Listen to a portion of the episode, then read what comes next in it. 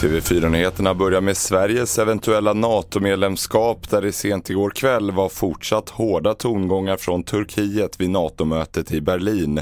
Landet vill inte släppa in Sverige och Finland i alliansen men utrikesminister Ann Linde hoppas ändå på diplomati. Alla eh, de övriga 29 eh, välkomnade Sverige och Finland och ville ge olika typer av eh, stöd och snabba ratificeringsprocesser.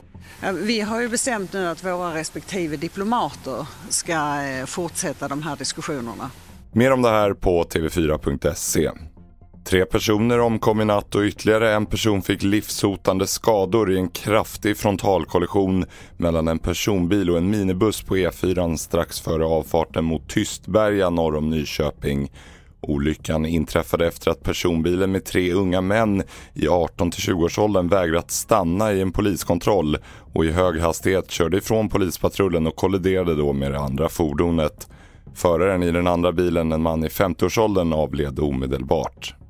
Slutligen om att Sveriges Cornelia Jacobs kom på fjärde plats när Eurovision Song Contest i natt avgjordes. Hon låg hack i häl med Storbritannien när alla jurygrupper hade rapporterat sina poäng och tack vare tittarrösterna vann storfavoriten Kalush Orkestra från Ukraina med låten Stefania. Fler nyheter finns på tv4.se. Jag heter William Grönlund.